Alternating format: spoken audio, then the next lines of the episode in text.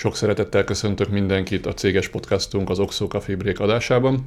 Mai témánk alapvetően a kriptó befektetések világa, de ezzel együtt egy sajátos felvezetéssel kezdjük, ugyanis beszélgető társam Krajcsák Márk, aki jelenleg egyébként fő időtöltésként kriptobefektetésekkel foglalkozik, de ami személyes ismerettségünk sokkal régebben nyúlik vissza. Ő volt az, aki igazából megtanította nekem a fallabda rejtelmeit. 10 éven, 14 éven keresztül a magyar fallabda első számú játékosa és országos bajnoka volt, és egyébként egész komoly nemzetközi karriert is épített magának, úgyhogy először ebből szeretném, hogyha kicsit elmélyülnénk és, és találnánk összefüggéseket, hogy hogy épít valaki sikert egyik pályán, és aztán hogyan evez át a másik világba. Úgyhogy igazából az első kérdésem az, hogy mikor és hogy döntötted el azt, hogy fallabdával akarsz foglalkozni, és olyan mélyen és annyira intenzíven, amennyire igazából Magyarországon eddig még senki nem csinálta. Először is köszönöm a meghívást. Nagyjából 11 éves koromban döntöttem el, hogy a fallabda vagy, valami, vagy a sport az mindenképpen a profi pályafutás irányába sodorjon.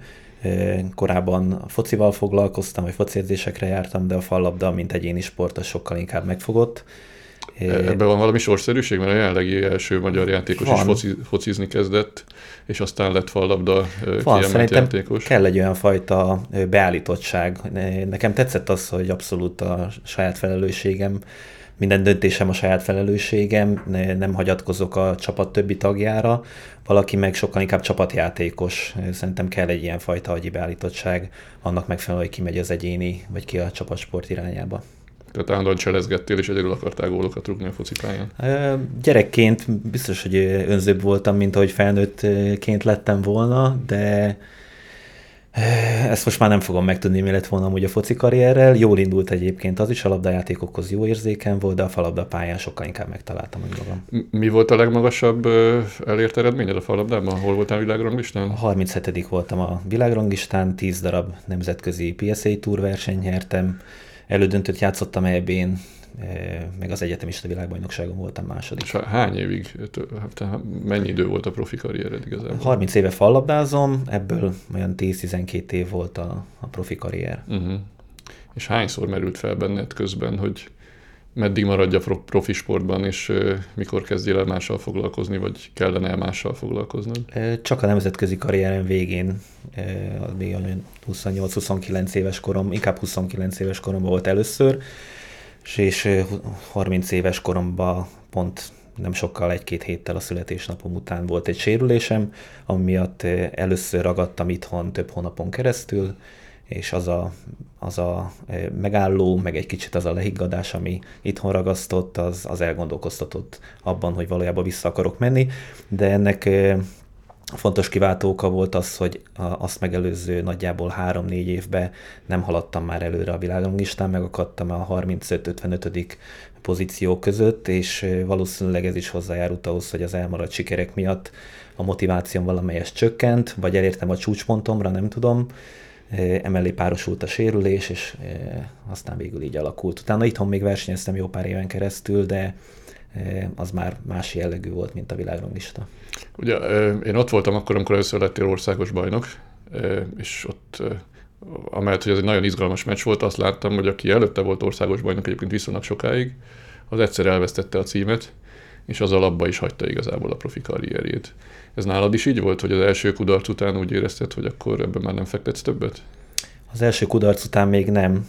Akkor Török András lehet, hogy azt érezte, hogy, hogy, hogy jobban elmentem mellett, nem tudom egyébként, erről őt kéne megkérdezni, de ő neki akkor családja volt, ő akkor már abba hagyta egyébként a, a profi pályafutását, valószínűleg ugyanilyen motivációs gondokkal küzdött, mint én a világranglista végén, de amikor először itthon elvesztettem 14 év után a bajnoki címet, akkor nem akasztottam szögre az ütőt, mert akkor még azt éreztem, hogy a következő évben, vagy akár az években még sikerülhet megfordítanom, és újra visszahódítani a bajnoki címet, aztán 2019-ben volt Győrbe az országos bajnokság, amit másodszor zsinórba elvesztettem, majd jött egyébként utána a koronavírus, és utána az a néhány év, meg a koromból adódóan utána úgy döntöttem, hogy már nem próbálom meg. Megmondom, miért feszegetem ezt a kérdést, mert ugye én is amatőr módon üzöm ezt a sportot már jó ideje, de hogy azt érzem, hogy tehát nálam az, az, a, az a tapasztalat, hogyha csupa olyan ját, játékosra játszom, akiket megverek, akkor valójában egyre gyengébben játszom egy idő után. Tehát, hogy lehet, hogy sikerélménye van az embernek, de hogy fejlődni nem fejlődik. Tehát jobb játékosokkal kell találkozni, és ki kell kapni ahhoz, hogy az ember fejlődési pályán tudjon járni. És feltételezem, hogy ez azért profi szinten is így van. Tehát jó nagy hasraeséseket kell tudni produkálni ahhoz, hogy egyébként nagyokat tudjon utána ugrálni, ugrani az ember. Ez helyes ez a feltételezésem? Igen, és ez azért másképpen volt, amikor itthon is, meg nemzetközi porondon is aktív voltam, mert akkor ott ugye magasabb volt a kihívás, tehát ott el lehetett tulajdonképpen különíteni a magyar mezőnyt a nemzetközitől, és attól féltem, hogy itthon első voltam, egyáltalán nem elégettem meg az akkori teljesítményemmel, mert a nemzetközi kihívás az jóval magasabb volt. Amiről beszélsz, miután visszavonultam a nemzetközi mezőnyből, ez a kérdés ez előjött, és ez nem azt jelentette, hogy, hogy önteltségből vagy bármiből nem edzettem volna, nem volt meg az a plusz motiváció, amit a, korábban a nemzetközi mezőny egyébként adott, de akkoriban még elég nagy volt az előnyöm a, a magyarországi élmezőnyel szemben, hogy néhány évig még ellavíroztam a, a tapasztalatommal, meg hát azért valamennyit természetesen edzettem akkor is, ha nem is annyira komolyan, mint korábban, de aztán egyre inkább fogyott ez az előny. Uh-huh. Mennyire kerültél égüles térbe, amikor elhatároztad, hogy akkor vége a falabda karriernek? Vagy már tudtad rögtön, hogy mit fogsz utána csinálni, vagy nagyon kellett keresni a helyedet? Volt egy pár év átmenet, nagyjából olyan 25 éves koromban kezdhettem el online pókerezni, akkor ez úgy jött ez az egész, hogy a külföldi versenyek során rengeteg holtidőm volt, akkor volt egyébként az online poker boom is a, a, a világon, és egy könnyű pénzkereseti lehetőségnek bizonyult, már nyilván azoknak, akik akkor eh, ebbe a játékformába beletették a, az energiát, és tanulták ezt a játékot. Én mindenképp ebbe az irányba mentem, úgy voltam egyébként a pókerrel is, mint előtte a falabdával, hogyha csinálom, akkor, akkor mindent megteszek azért, hogy a, a lehető legjobbat, a maximumot kihozzam magamból. Van bármi kapcsolat egyébként a póker és falabda között, azon kívül, hogy nyilván szisztematikus önfejlesztés, elkötelezettség, tanulási képesség, meg kitartás kell hozzá. Leginkább a mentális felkészültséget tudnám kiemelni, tehát a falabdánál fontos volt, hogy egy meccs alatt az ember ne kibe koncentráljon, hanem mm. mindig tudatos tudjon maradni. Ez a fajta tudatosság, meg az érzelmek kezelése, vagy az érzelmek kizárása, ez a pókeren belül borzasztóan Igen, nem biztos, hogy mindenki volt. tudja a falabdáról, de ugye nagyon magas púzus számom, nagyon magas kvázi ilyen terhelési szinten játsza az ember, és ott kell nyugodtnak maradnia ez valószínűleg nem árt a pókerben sem, hogy az igazi izgalmas stressz pillanatokban se csináljon marhaságokat az ember. Igen, igen. A pókerben a variancia miatt, tehát ott azért az könnyedén egy kezdőjátékosnak idegesítő tud lenni, hogyha jobb kézzel az ellenfél szerencsével mégiscsak nyer ellene, ezt nyilván meg kell szokni. A falabdánál meg ez lefordítható arra, hogy egy térben van a két játékos, és ott zavarási körülmények fordulhatnak elő, a közönség mondjuk ellened szurkol, a bíró ellened ítél bizonyos szituációkban fáradtabban játszó sérüléssel küzdesz, párkapcsolati gondod van. Tehát sok olyan helyzet van, amit ki kell tudni zárni a pályáról, hogy jól teljesíts. Világos. És ez a póker, ez mennyi ideig zajlott, vagy mennyi ideig volt fő tevékenység? A koronavírus végéig játszottam online, uh-huh. egyszer-egyszer volt talán egy fél év, év amikor, amikor megszakítottam, mert már sok volt.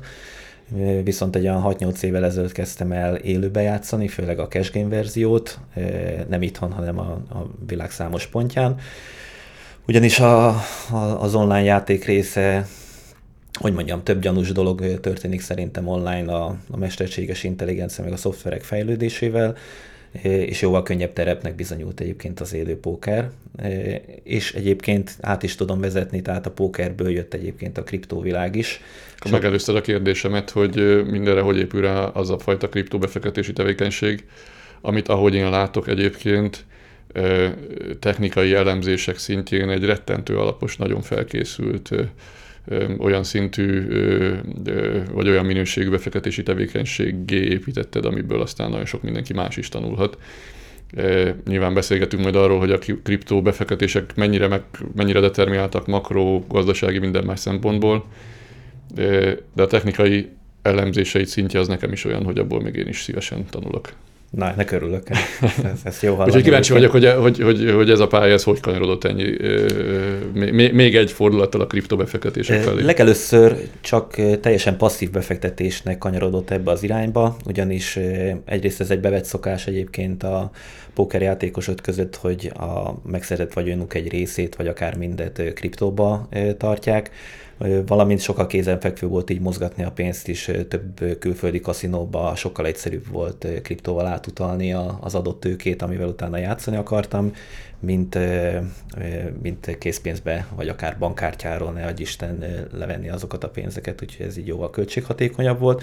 Aztán persze elkezdett érdekelni ez a világ, már 2017-ben egyébként az előző ciklusnak a csúcsán, majdnem mindenki a csúcs tetején csatlakozik, akkor... Ami nem a, leg, nem a legkomolyabb, vagy nem a legfelkészültebb befektetői stratégia. Tehát nem a leg... Kíváncsi vagyok, hogy a, amit a fallabdánál kérdeztem, az mennyire igaz a kriptóra is. Tehát, hogy kell elhasalni párszor, megveszteni párszor ahhoz, hogy az ember utána tudja, hogy hogy kell nyerni. Igen, viszont szerintem ez nagy előnyöm volt a pókernél, hogy pont az említett variancia miatt azért jó párszor elhasaltam én is. Ez nem azt jelenti, hogy lenulláztam magam, de voltak, voltak az évek során komoly veszteségeim, meg komoly nyereségeim is ezt így megtanulja az ember kezelni ahhoz, hogy kriptóval kereskedjen, meg ez egy nagy előny tud lenni, hogy ezt a fajta érzelmi hullámvasutat jelentős, azt teljes mértékben szerintem nem lehet kizárni, de jelentős mértékben le lehet csökkenteni. Hmm. És az a fajta kockázatkezelés, vagy bankroll management, ahogy az angol mondja, az a, a pokernél és a kriptónál szerintem teljes mértékben megegyező. Hmm. Azt értem, hogy amikor már mindenki a kriptóról, meg, a, meg arról beszélt, hogy mekkora vagyonok keletkeztek kriptóban, ráadásul bizonyos helyeken kénytelen voltál használni, akkor, akkor kialakul egy érdeklődés. De hogyan alakul, hogy, hogyan jut ez el odáig, hogy, hogy ez, ez mély befektetői tudás legyen? Hogy képezted magad, vagy hogy honnan, honnan szedted össze az információkat? Mert az egyszerűbb megmondani, hogy hol lehet tanulni fallabdázni vagy hol lehet egyáltalán a pókert felszedni tudásként, de azért eh, mindenki álmodozik arról, hogy a világ legsikeresebb kriptobefektetője legyen, de nem evidens, hogy hogy lehet ezt a tudást összeszedni. Hát ö, szerintem nagyon nagy fokú szorgalom kell hozzá, meg egy olyan fajta elhivatottság, hogy az ember abszolút ebbe, tehát munkaként tekintsen erre is, mint ahogy korábban tekintettem a pókerre, vagy a, vagy a fallabdára. Tehát azzal, hogy egy nap fél óra, órát, egy-két órát foglalkozunk ezzel, az szerintem nem elegendő. Nekem a kutató munkára, a koronavírus egyébként erre tökéletes volt, mert ugye a bezártság miatt rengeteg ideje volt a, az embernek ilyenekkel foglalkozni, és hát nem sajnáltam rá az időt, ez mondjuk naponta minimum 12 óra volt, amit egyébként ezzel foglalkoztam, de egyáltalán nem esett a nehezemre, mert borzasztóan érdekelt ez a téma, és nagyon-nagyon meg akartam tanulni, és nagyon szorgalmasnak érzem magam egyébként a mai napig, úgyhogy úgy indult az egész, hogy ezt a kutató munkát folytattam olyan embereknél, akik az elején hitelesnek tűntek, ami azt jelentette, hogy a, egészen a, a korábbi ciklusnak a csúcsáig, tehát olyan 2017-18-ig a munkásságát, minden munkásságát vissza ellenőriztem. Ez nem azt jelenti, hogy az összes nyilatkozatát, meg mindenét, csak a fontosabb olyan területeken, ahol komolyabb szakadás volt, vagy komolyabb emelkedés volt, vagy csak sima oldalazás, hogy olyankor hogyan gondolkozott, az a gondolkozásmód mögött milyen logika volt, és hogyha ezeket minden trendnél nagy találati arányt találtam, akkor azokat hiteles forrásnak értékeltem, Ilyen, e, ilyenekre egyébként borzasztóan sok idő ráment, akikről kiderült, hogy csak azért volt igazuk, mert ők mondjuk mindig bikás hangulatú uh-huh. hangszintet ütnek meg. Na persze, bika piacon nem nehéz így van, így sikeresnek van. lenni. De szerintem itt rontja el a legtöbb befektető, hogy, hogy azért gondolja hitelesnek, mert az adott évben vagy években még fölfele futás volt, úgy tűnt, hogy neki mindig igaza van, de viszont nem képes váltani akkor, amikor a piac vált. Uh-huh. És uh, szerintem ezekben van a legnagyobb potenciál ilyen embereket, vagy ilyen forrásokat megtalálni, akik uh, nagyon hamar tudnak váltani mind a két irányba, uh, figyelnek, nem elfogultak, mindig nyitottak a, a, a tanulásra, és megfelelően alázatosak mennyire kellett gazdasági ismeretekben is képezni magad, vagy mennyire egy speciális spekulatív eszköznek tekinteted a kriptót, akinek, aminek van egy önálló szabályrendszere, és csak azzal kell foglalkozni? Nagyon sokat, tehát én, én abszolút nem a pénzügyi világból jövök, nekem arról is könyvet kellett olvasni, hogy mi a pénz, tehát hogy, hogy nem a készpénz tulajdonképpen a pénz, hanem ez egy sokkal szélesebb spektrum Úgyhogy sok idő telt el egyébként azzal, hogy csak simán az alapfogalmakat a fiskális politikától kezdve a kötvénypiacon át a, a dollárindexen sokáig sorolhatnám, hogy ezek hogyan működnek, miként függnek össze, melyik hogyan hat a kriptóra, pozitívan, fordított arányosan, stb. Ezeket mind, mind, mind, mind meg kellett tanulni, de hát erre mondtam azt most az előbb, hogy ez a 12 óra, ez a minimum volt, amit naponta foglalkoztam ezzel mondjuk az elmúlt három-négy évben. Mm, nem hangzik kevésnek. A kriptót te magad számára hogyan definiálod? Van egy ilyen vízió a te fejedben is, hogy ez majd a jövő fizetőeszköze leváltja a teljes pénzügyi közvetítő rendszert, és, és a bankrendszer alapvető kihívója? Vagy inkább egy, egy ilyen befektetési világban egy új, újfajta spekulatív menekülőeszköz, amit, amivel lehet élni, de nem lesz egyéb funkciója majd a jövőben? Egyelőre az utóbbi, vagy mondjuk úgy, hogy valahol az átmeneti, de inkább az utóbbi, tehát én egyelőre csak a, a spekulatívabb oldalát látom ennek az egésznek, és nem azt mondom, hogy hazudik, aki, aki nem így csöppen ebbe a, vagy erre a piacra, de nagyon nagy százaléka biztos vagyok benne, hogy a pénzkereseti lehetőséget látja, sem mint azt, hogy ő most bitcoinba tárolja egyébként a, a pénzét, de mint potenciál szerintem megvan benne, eh, hogy ennél eh, jóval elfogadottabb eh, befektetési eszköz legyen, hogy a többi kriptóval egyébként mi lesz, vagy a technológiával mi lesz. Látom a fejlődési irányt, de egyenlőre ez tulajdonképpen egy, egy online kaszinó, tehát itt mindenki fejleszt, mindenki kriptókat dob a piacra, mindenki olyan nyelven fogalmaz, ami a, a mezei ember számára értetetlen, amivel ők eszméletlen okosnak tűnnek, meg eszméletlen jónak tűnik a technológia, de valójában a 99% mögött nincsen más, mint hogy megpróbálnak maguk a befektetők, meg aztán az érkező emberek is meggazdagodni, ezért lehet látni ezeket az iszonyat nagy emelkedéseket és iszonyat nagy bukásokat. Ez nagyon őszinte válasz volt, ezt nagyon köszönöm, mert a legtöbb egyébként kriptóban aktív befektető, akivel beszélek, az mindig hozzátesz egy ilyen, egy ilyen hitvilágot, hogy ez majd igazából azért bír fundamentális értékkel, mert hogy alapvető fizetési rendszerként is működik majd, amiről el lehet hosszan vitatkozni, de, de én is azt látom, hogy egyébként a valós motiváció és sokkal rövid távúbb a piac legtöbb szereplőjénél, ami érthető, és, és nincs vele semmi baj. Látni, látok egyébként benne potenciál, tehát maga a technológia szerintem egy tök jó ötlet, maga a blokklánc is egyébként egy a tök jó ötlet. technológia az, az nem kérdés, hogy jó ötlet. A blokklánc abba... technológiás, technológiai típusú technológiai befektetésünk nekünk is van, nem fizetési rendszerben, hanem egyéb compliance, adathitelességet szolgáló rendszerekbe, az, arra szerintem nincs is vita, vagy nincs, nincs komoly vita, hogy a blokklánc technológia az, az, egy, az egy nagyon komoly új fejlődési irány. Igazából az a kérdés, hogy a kriptó jelenlegi formájában egyébként a technikai nehézségeivel, korlátaival az képes-e az alap devizákat kiváltani, és aki befektetőként azzal érve, hogy a világnak azért kell kriptót vásárolnia, mert hogy ez ilyen fundamentális értékkel bír, ez egy alapfizetőeszköz lesz, az számomra az a kérdés, hogy mikor őszinte, meg mikor azért mondja ezt, mert az az, az, az érdeke, hogy sokan mások is vásároljanak Biztos, kriptót. szerintem mind a kettő benne van, eh, mert azért, hogyha ezek a decentralizált applikációk, meg okos szerződések egyébként a következő ciklusra, vagy a következő tíz évben eh, olyan mértékre fölfelődnek, hogy ténylegesen van use case, tehát ténylegesen elkezdik az emberek használni, eh, és ebbe hinni, és eh, valós értéket tud egyébként hozzáadni a mindennapi értékekhez. Egy picikét ugye szokták mondani ezt a párhuzamot, hogy olyan, mint a, mint a, a 30 évvel ezelőtt induló internet.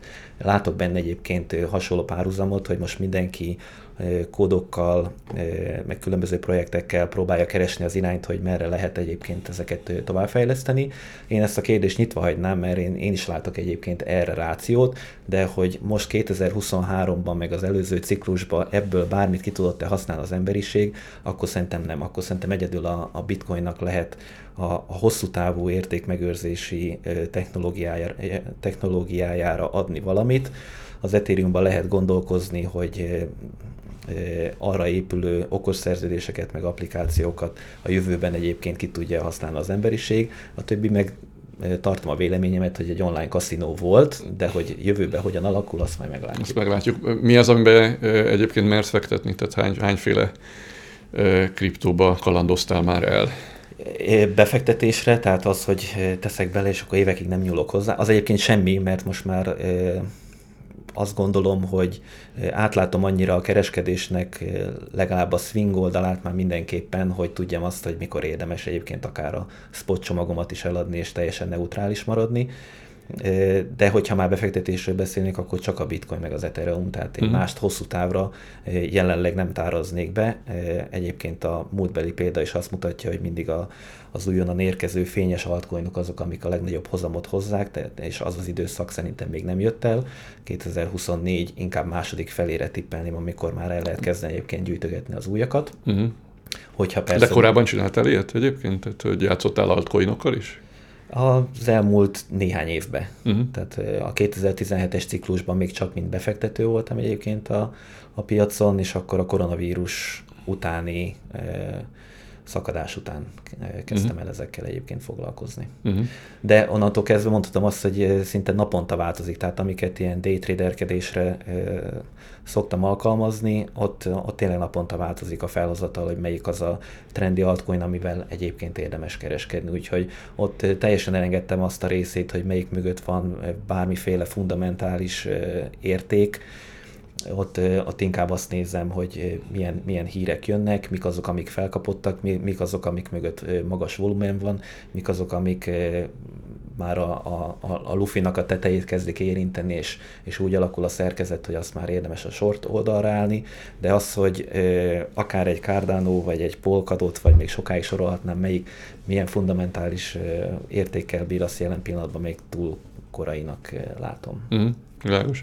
Mennyire tükrözi a részvénypiaci befektetések logikáját az, amit kriptóba csinálsz, vagy csinálnak a befektetők?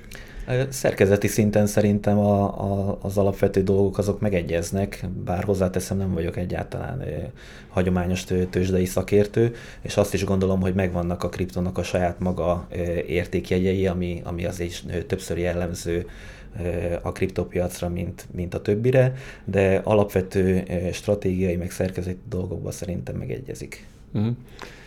És akkor mennyire félsz attól, hogy ahogy a részvénypiacokon ez már látható, hogy New Yorki brokerek korábban mindig arról beszéltek egymással, hogy ha valaki sikeres volt a piacon, akkor milyen jó szakembereket talált, most meg úgy beszélnek egymással, hogy akkor milyen jó szoftvere lehet, hogyha hogyha az utóbbi időben jó hozamokat tudott hozni, hogy ez a kriptopiacra is jellemző lesz, tehát hogy botok lesznek az igazán sikeresek a piacon.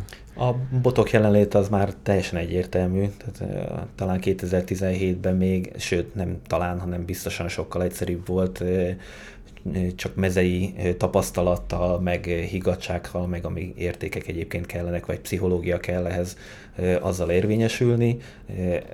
Ma már ez azért jóval nehezebb, tehát egy, egy-két körre ezeket biztos, hogy tovább kell gondolni, de még mindig a kriptópiac szerintem az, ahol a legtöbb lakossági vagy retail befektető van jelen, ezért picit hasonló az analógia egyébként, mint a pókerasztalnál, hogy ha mondjuk Forex-el kereskednék, az olyan, mint hogyha másik öt profi játékossal ülnék egy asztalhoz, a kriptonál viszont a ötből legalább három-négy az teljesen kezdő lesz, és akkor nyilván az ember választja a, azt az asztalt, ahol, ahol nagyobb esélye van győzni. Mm-hmm. Most hogy látod a piacot? Hogy valami aktuálisat is kérdezek, hogy legyen minizguljanak a, a Most, nézők, meg hallgatók. Most úgy látom, most én inkább medvésnek látom egyébként a, a helyzetet, szerintem 16 ezerről nagyon jó alkalom volt, és én egyébként ott be is vásároltam 16-17 ezer dollár környékén a BTC-ből, és 30 ezer dollárnál szálltam ki. Ezt most persze tűnhet úgy, hogy ezt így mondom, de tényleg így van. és, és ezt is látom egyébként, hogy szerintem az év idei részében 20 és 30 ezer dollár között fogunk úgy mozogni, hogy borzasztó nehéz lesz a, a, a rövid távú kereskedés is.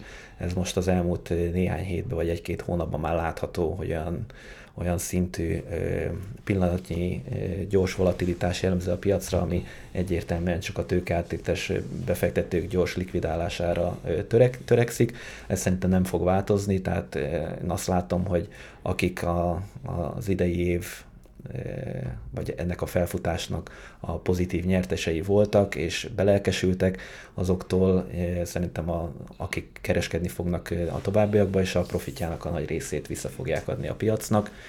Aztán ezeket nehéz látni előre, mert itt jön az a kérdés, hogy a kriptó is jelentős mértékben a makrótól függ, ennek megfelelően a Fednek a döntéseitől függ, hogyha az alapkamat elkezd majd visszafele menni, és újra a likviditás önti el egyébként a piacot, akkor ez természetesen változhat akár már idén is, de erre azért a, a makró tekintetében most kevesebb esélyt látok. Uh-huh.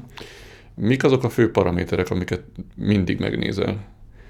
Tehát van, van-e egy ilyen listát, hogy mik azok, amiket, amiket eh, ahhoz, hogy bármiféle jóslásokba bocsátkozza a piac mozgását illetően mindig irányít. De ilyen kivételes eseteket tudok, mert olykor megkérdezel engem, hogy úristen, ez történt, mit gondolsz? Aztán utoljára ez a Silicon Valley Bank bedőlése kapcsán volt, amikor azt hiszem egy, a pénteki napon még rám írtál, hogy szerintem mi lesz ebből, és hál' Istennek azt válaszoltam, hogy szerintem lesz mentőcsomag, mert, mert ezt, ezt ebben a helyzetben most nem fogja ö, ö, hagyni a amerikai szabályozó hatóság, és a végén ez lett belőle, tehát nem, nem, nem válaszoltam rosszul legalább.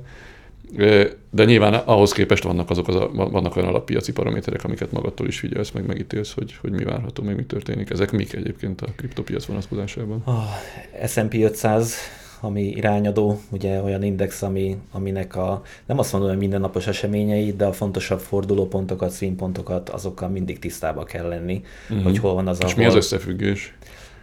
A, hát az a korreláció, az, hogy a, a fontosabb támasz ellenállás zónáknál, ahol komolyabb korrekció várható, ott egyébként a kriptó is követi ezt a követi is, vagyis a bitcoin követi, a bitcoin pedig az összes többi kriptovaluta követi, de viszont a napon belüli kereskedéshez nem azt mondom, hogy nem fontos, mert például most lesz nem sokára a CPI bejelentés, ennek nyilvánvalóan a, a, ezek, a, ezek a statisztikai adatok is kihatnak a kriptóra, és ha már kitértem rá, akkor természetesen az összes ilyen fontosabb amerikai bejelentést is mindig szoktam követni, akár egy Fed Powell beszédet, akár CPI bejelentést, akár a, a, az LKB-nak a, a monetáris döntéseit, bár annak azért jelentős mértékben kisebb a, a, a kihatása egyébként a kriptókra. Tehát itt főként a, a, az amerikai tőzsdét és az amerikai monetáris, fiskális politikát követem a dollárindex mellett. Uh-huh.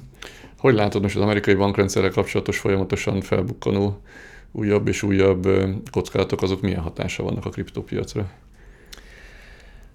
Hogy érted konkrétan? Hát ugye van egy ellentétes, vagy egymással ellentmondó értelmezés, hogy önmagában a, a források csökkenése, a pénzügyi kockázatok növekedése, az, hogy az emberek futnak a pénzük után, az alapvetően minden befektetési eszköznek rossz.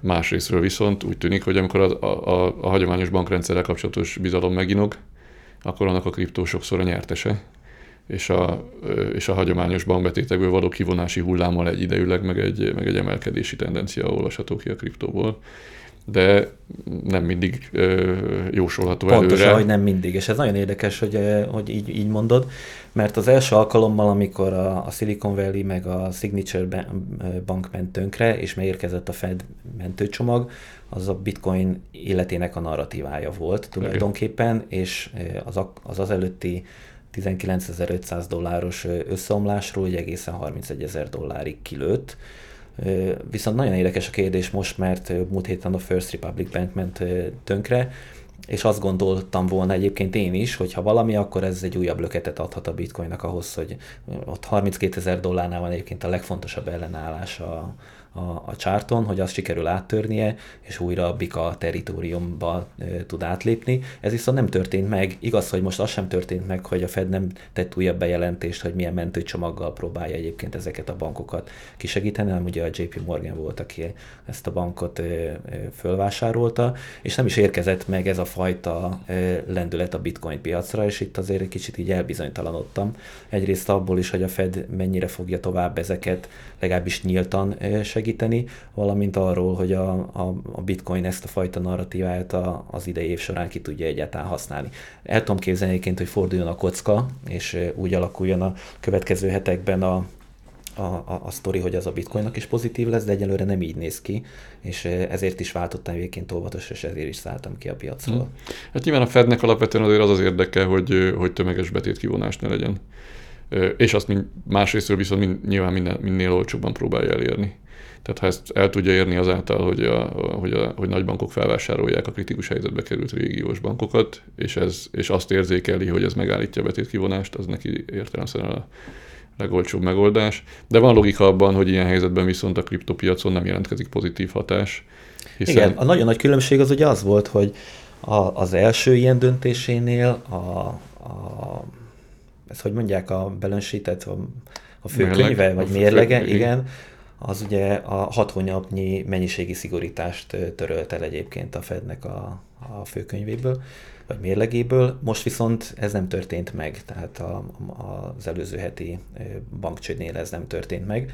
Tehát a piac én azt veszem észre, hogy a kriptóknál abszolút likviditáspárti, tehát ahogy látni azt, hogy valamilyen fajta mennyiségi enyhítés van a, a Fed részéről, vagy és vagy emellett kamacsökkentés, azt pozitívan értékel a kriptopiac. Ha viszont ez nem történik meg, és inkább a kötvénypiac erősödik, az pedig rosszul hat a, a kriptókra. Milyen stratégiád az idei évre, és még mit vársz 24-25-re?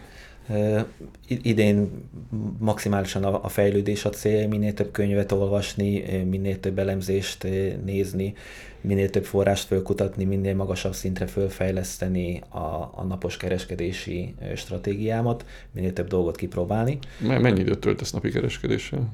A, összességében a kereskedéssel nem, tehát a kereskedés a, inkább magát a, a helyzetek megkeresése, vagy inkább kivárása, hogy az a helyzet megérkezzen, amire azt gondolom, hogy van előnyöm a piacra uh-huh. szembe. Tehát valójában most is az idő... van, hogy az idő 80%-ában önképzés és elemzés ami a tevékenységet kitöltés, a, a maradék még, még több is, tehát mondhatom nyugodtan, hogy 90-95 százalék. Tehát amikor már az a helyzet egyébként előjön, ami, ami tudom, hogy, hogy, hogy, hogy megy, és abban van tehetségem, azok egyébként ritkán fordulnak elő, mert a piratpiac nem szeret könnyedén pénzt osztogatni, a kriptópiacon sem szeret könnyedén, és hogyha több trédet csinálnék, akkor azt érzem, hogy a mennyiség nőne, viszont a minőség ugyanakkor megcsökkenne. És ahhoz, hogy a kriptópiacon egyébként elég magas díjakat kell fizetni a, a napos kereskedéseken belül, ahhoz meg szerintem nem éri meg. Tehát mindig történik egy-egy olyan nagyobb összeomlás, vagy egy-egy olyan túlértékelt szituáció, amikor nagyon nagy százalékos arányba lehet eltalálni, hogy mi fog történni, én inkább ezekre szoktam kivárni. Uh-huh. És milyen piacot vársz 24-re, 25-re? 24 második felére várom azt, hogy, hogy a kriptopiac meginduljon és újra jobb befektetési körülmények legyenek, de hát ehhez azért jelentős De akkor azt várod, hogy a makrokörnyezet is már akkor hát lényegesen javul a mostani Feltételezem, de hát ez mindig olyan, hogy mikor éppen benne vagyunk, és éppen rosszak az adatok, meg rosszak a számok, akkor borúsabban látja az ember a jövőt, nehéz ilyenkor objektíven megfigyelni, hogy valószínűleg mi fog történni, de, de abba bízok, hogy 2024-re már talán jobb lesz. Legalábbis a kriptóknak jobb lesz, legalábbis valamilyen szinten elkezd majd a Fed enyhíteni, és hogyha ez a, a... Tehát igazából a kamat csökkentési ciklus indulását várod, és Igen. azt gondolod, hogy az a kriptóra nagyjából olyan hatással lesz, mint amikor eleve alacsony, alacsony szinten voltak a kamatok. Igen, igen, igen. De azt is hozzá kell tenni, hogy ez lesz az első recesszió, amivel a bitcoinnak meg a kriptóknak meg kell birkózniuk, és egy picit nehéz látni azt, hogy erre a közegre hogyan fog egyébként reagálni, és ezért is kezdett el javarészt érdekelni a napos meg a swing kereskedés, mert hogyha befektetési szinten a következő, következő ciklus jóval nehezebb lesz, vagy akár nem is fog hozni hozamot, akkor is kell valami, ami, ami B-terv, és mivel ez a piac érdekel a, a leginkább, ezért, ezért ebbe az irányba megyek tovább. Hmm. Vársz még botrányokat a kriptó piacon? Persze, tele lesz. Igen? Tele lesz. Tehát a, most ezzel Tehát nem, a nem, vagyunk, nem vagyunk túl a nehezén, azt mondod? Nem azt, hogy nem vagyunk túl a nehezén, hanem az ember az az őskor óta olyan, hogy már a Delfoi jósdából ugye gazdagodtak az emberek, tehát mindig kell valami, amivel lehet egy picit hidegetni az embereket, amivel valaki jobban a terepen van, és jobban ki tudja használni. Sajnos ősz, őszinte vagyok, tehát én, én ezt látom, hogy itt van a legtöbb scam, itt van a legtöbb átverés, itt van a legkevesebb szabályozás, itt lehet leginkább kihasználni sajnos az embereket, és mivel ez egy nehezen megfogható terület, és elég magas szintű tudás kell szerintem ahhoz, hogy átlássa az ember az összes ilyen buktatót, ez szerintem ebben nem fog az ember megváltozni. Tehát túlságosan könnyű pénzkereseti lehetőség egészen kicsi befektetett munkával, hogy ez szerintem változzon. Egyébként szabályozáspárti vagy? Olyan szinten szabályozáspárti vagyok, hogy nekem ez nem tetszik. Tehát az én értékrendemnek, meg erkölcsi beállítottságomnak ez egyáltalán nem tetszik egyébként, ami a, a kriptópiacon megy, és valamilyen szinten szerintem ennél jelentősebb szinten védeni kellene a, a, a, a befektetőket. Persze mondja mindenki, hogy hát mindenki az én ide, hogy meggazdagodjon, és mindenkinek az a célja, hogy ugye innen pénzt tudjon kivenni, és ezért mindenki a, a saját döntésének a, a felelősségét vállalja. Igen, Jó, de nem, úgy, nem, minden, van, nem, nem, ugyanaz, nem mindenki ugyanaz az információ tudással van. Meg ez csak egy része, a másik része, amikor valaki úgy gondolja, hogy ahol tartja a pénzét, ott azt a, a szolgáltató cég az nem használja saját célra, hanem valóban megvan az ő befektetési számlájának az egyenlege. Tehát itt már nem csak arról beszélünk, hogy, hogy esetleg a piac működésével kapcsolatban félrevezető információk jelentek meg, hanem azért olyan botrányok is voltak a kriptopiacon, ahol egyszerűen nem volt meg az ügyfelek pénze, mert az valahol kézen közön eltűnt. És izgalmas kérdés, hogy ilyen típusú botrányok lesznek-e még, mert az nem automatikusan következik a kriptopiac természetéből, viszont sokkal inkább megrengethetik a kriptóba vetett bizalmat. Egészen biztos vagyok benne, hogy lesz, de abba is azért jelentős mértékben biztos vagyok, hogy, hogy nem, tehát ilyen jellegű, mint ami 2021 inkább második felét, de inkább 2022-ben jellemző volt ugye a lunás botrány, az FTX-nek a csődje, és még sokáig lehetne egyébként sajnos sorolni. Ezek szerintem nem lesznek, mert, mert egyszerűen annyira felszáradt most a piac, és tulajdonképpen egy, egy medvepiaci rallin vagyunk egyébként túl, hogy ahhoz kell az a fajta hype, az a fajta eufória, hogy olyan mennyiségű új ember érkezzen a piacra, akiket akiket újra be lehet vonzani, akiket újra ki lehet játszani. Én sajnos ez, ez az őszinte véleményem, és ezt így látom. Aztán ne legyen igazam, aztán abba bízhatunk, hogy a SZEK és a többi hatóság olyan szabályozást dob addig a piacra, még az újabb eufória, még az újabb piac megérkezik, hogy, hogy, hogy ilyen szintű dolgokat már ne lehessen megcsinálni. Uh-huh. De ha ez megtörténik, akkor nem az fog történni, hogy egyébként szabályos kereskedéssel is nehezebb lesz, pénzt keres, nehezebb lesz pénzt keresni kriptóban, hiszen egy sokkal szabályozottabb, sokkal kevésbé volatilis, sokkal kiszámítható piac lesz, ahol sokkal inkább az adott eszközök fundamentális értéke tükröződik. Ha lesz mire használni a kriptót, akkor majd emelkedik az értéke, ha meg nem találjuk ki, hogy mire használjuk a kriptót, akkor meg stagnálni fog egy ilyen menekülő eszközbefektetési érték szinten. Hát szerintem egyébként ez a, amire szoktam hivatkozni, hogy online kaszinó, ez a fajta szenvedélybetegség az emberekből szerintem nem fog eltűnni. Tehát mindig, mindig, meg fognak érkez, mindig meg fog érkezni az a tömeg, akinek van kedve gyorsan, könnyedén meggazdagodni, akik ellen van egy olyan fajta stratégia, amit nagyon könnyen ki lehet használni. Az, hogy egy felszáradt piacon belül, egy medvepiacon belül a, a sokkal nehezebb kereskedési körülményeket hogyan fogom tudni kihasználni, az biztos vagyok benne én is, hogy sokkal nehezebben, és erre mondtam azt, hogy le kell csökkenteni jelentős mértékben a mennyiséget, és csak az olyan minőségi trédeket szabad megjátszani, ahol, ahol elég magas a, a százalékos aránya arra, hogy a, az ember ebből profitot tudjon csinálni, mert ilyen egyébként még mindig van. Tehát pláne egyébként a kriptopiacon, még egyébként a, a medvepiacon is egyébként sokszor előfordul olyan fajta kilengés, amit, amit nagy valószínűséggel meg lehet játszani. Hogy diversifikálsz? Foglalkozol-e más eszközökkel is? Van-e kedved másba is befektetni egyébként? Arany, nyersanyagok, ingatlan, egy-két index, de az indexekből egyébként 2022-ben kiszálltam az ilyen S&P és társai, NASDAQ. Uh-huh. Azok, azoknál egyébként én azt gondolom, hogy egy, egy, egy széles sávba várok egyébként oldalazást. Uh-huh. Hogyha valami komolyabb probléma történik az év második felébe, akkor, akkor valószínűleg még a mostani ajpontot is meg fogja dönteni egyébként szerintem az S&P meg a NASDAQ, de az elsődleges amit, amit inkább várok, az az oldalazás egyébként uh-huh. ebbe a kettőbe. De különböző nyersanyagokban látom azt, eh, ahogyan erősödik ez a kínai, orosz és a BRICS vonal, hogy szerintem a nyersanyagoké lesz a 2020-as, 30-as évben a főszerep, és ott uh-huh. lehet talán az egyik legjobban megőrizni a, a vagyont. Emellett...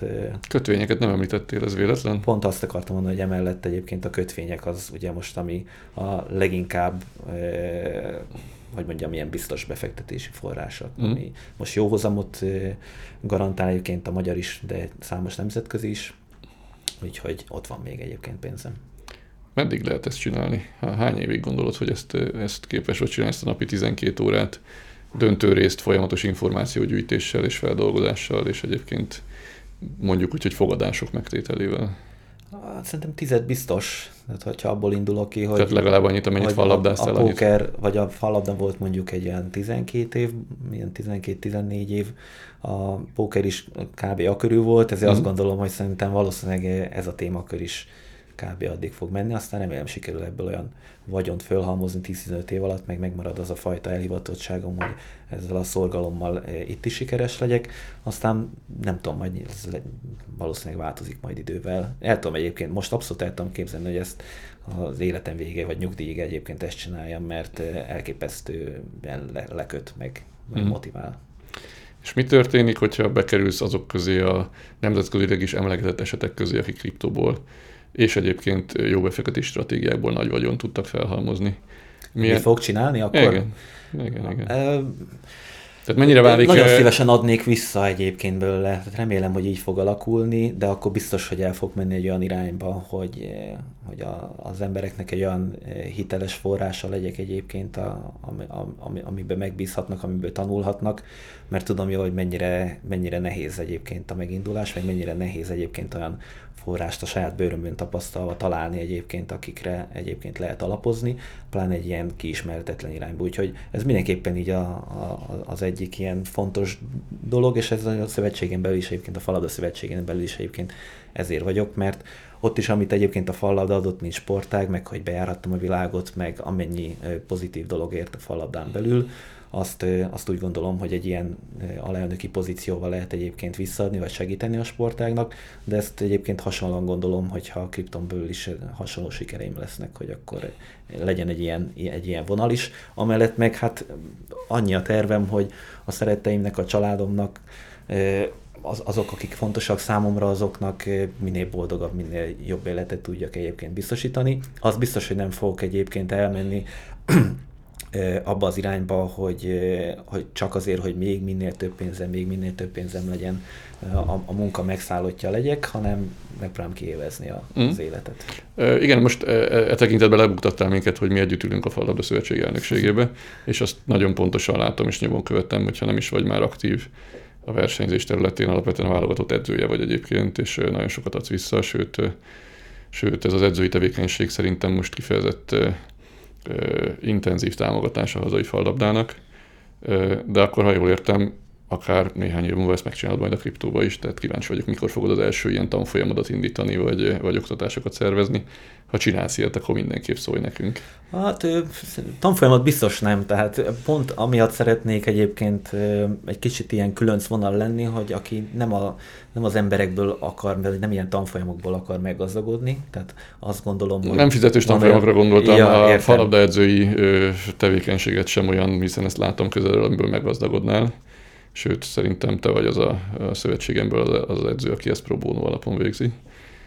Úgyhogy csak arra gondoltam, hogy amikor már valaki odáig jut, hogy nem, nem számolja, hogy éppen adott tevékenységéből mennyit keres, akkor nyilván ez a visszaadás az azt is jelentheti, hogy egyfajta ilyen információforrásá, oktatóvá válik. De ezt majd eldöntöd, hogy akarod-e csinálni, meg egyáltalán a kriptobefektetések világa az, az, az ott fog-e tartani egyébként, nem tudom, miért 5 10 e, Igen, egyébként, mert, mert én nem tudom, tehát én mindig nyitott vagyok azért többféle végkifejletre, és a, a, azért, mert hogy abból indulunk ki, hogy az elmúlt 3-4 bitcoin és kriptociklus milyen szintű hozamokat hozott, meg mekkora fejlődésen ment keresztül, és ezt várja egyébként mindenki, egyébként ezt várom én is, meg ez az A tervem, de azért fel kell készülni, hogy mi van akkor, hogyha a következő ciklusnál egyébként bitcoin nem dönti meg a csúcsát, vagy éppen csak, hogy túlmegy a csúcson, aztán utána ugyanúgy visszafordul, vagy egy olyan hosszú oldalazás lesz, amit egyébként az S&P-nél is várnék, hogy egy 5-10 éven keresztül mondjuk nem feltétlen lesz megdöntve a, a, az eddigi csúcs,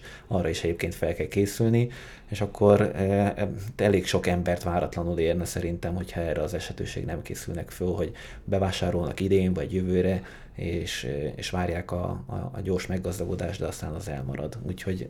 És neked mi a B-terved? A B-tervem ez a kereskedés. Uh-huh. Tehát az, hogy a, napi meg a swing kereskedésem most egyébként egész jó hozamokat tudok már vele elérni, az utóbbi mondjuk egy évbe. Abba bízok, hogy ez nem csak, egy, nem csak a variancia jó oldalán vagyok, hanem, hanem emögött e, e, e most valós tudás van, de hát ennek a pókerből azért már megtanultam, hogy ennek hosszabb idő kell, tehát az el kell tenni jó pár év, hogy azt tudjam mondani, hogy, hogy ebbe tényleg annyira sikeres vagyok, hogy ez egy biztos mm. megélhetési forrás. Hát ez a cél. Tehát, hogyha a, a, a passzív befektetés egyébként nem fog stimmelni a kriptovilágába, azért azt gondolom, hogy maga a, a daytraderke és a swing traderkedésben van potenciál. Mm. Arra ö, vállalkoznál egyszer, ahhoz lenne bátorságot, hogyha most kijelölünk egy időszakot, mondjuk innentől egy év, akkor utána egyszer leülünk és visszakeressük, hogy mikor kötöttél jó ügyleteket, mikor nem, és, és ezt kielemezzük egyszer alaposabban. Persze, szívesen. szívesen. Jó, akkor legyen ez egy következő beszélgetés. Jó. Szerintem erre keresünk egy időpontot, amikor mostantól kezdve, hogy ne lehessen visszamenőleg magyarázni majd az eseményeket, megnézzük, hogy milyen kötések sikerültek jól, és milyenek nem. benne vagyok. Rendben. Köszönöm a beszélgetést. Köszönöm a meghívást. Sziasztok.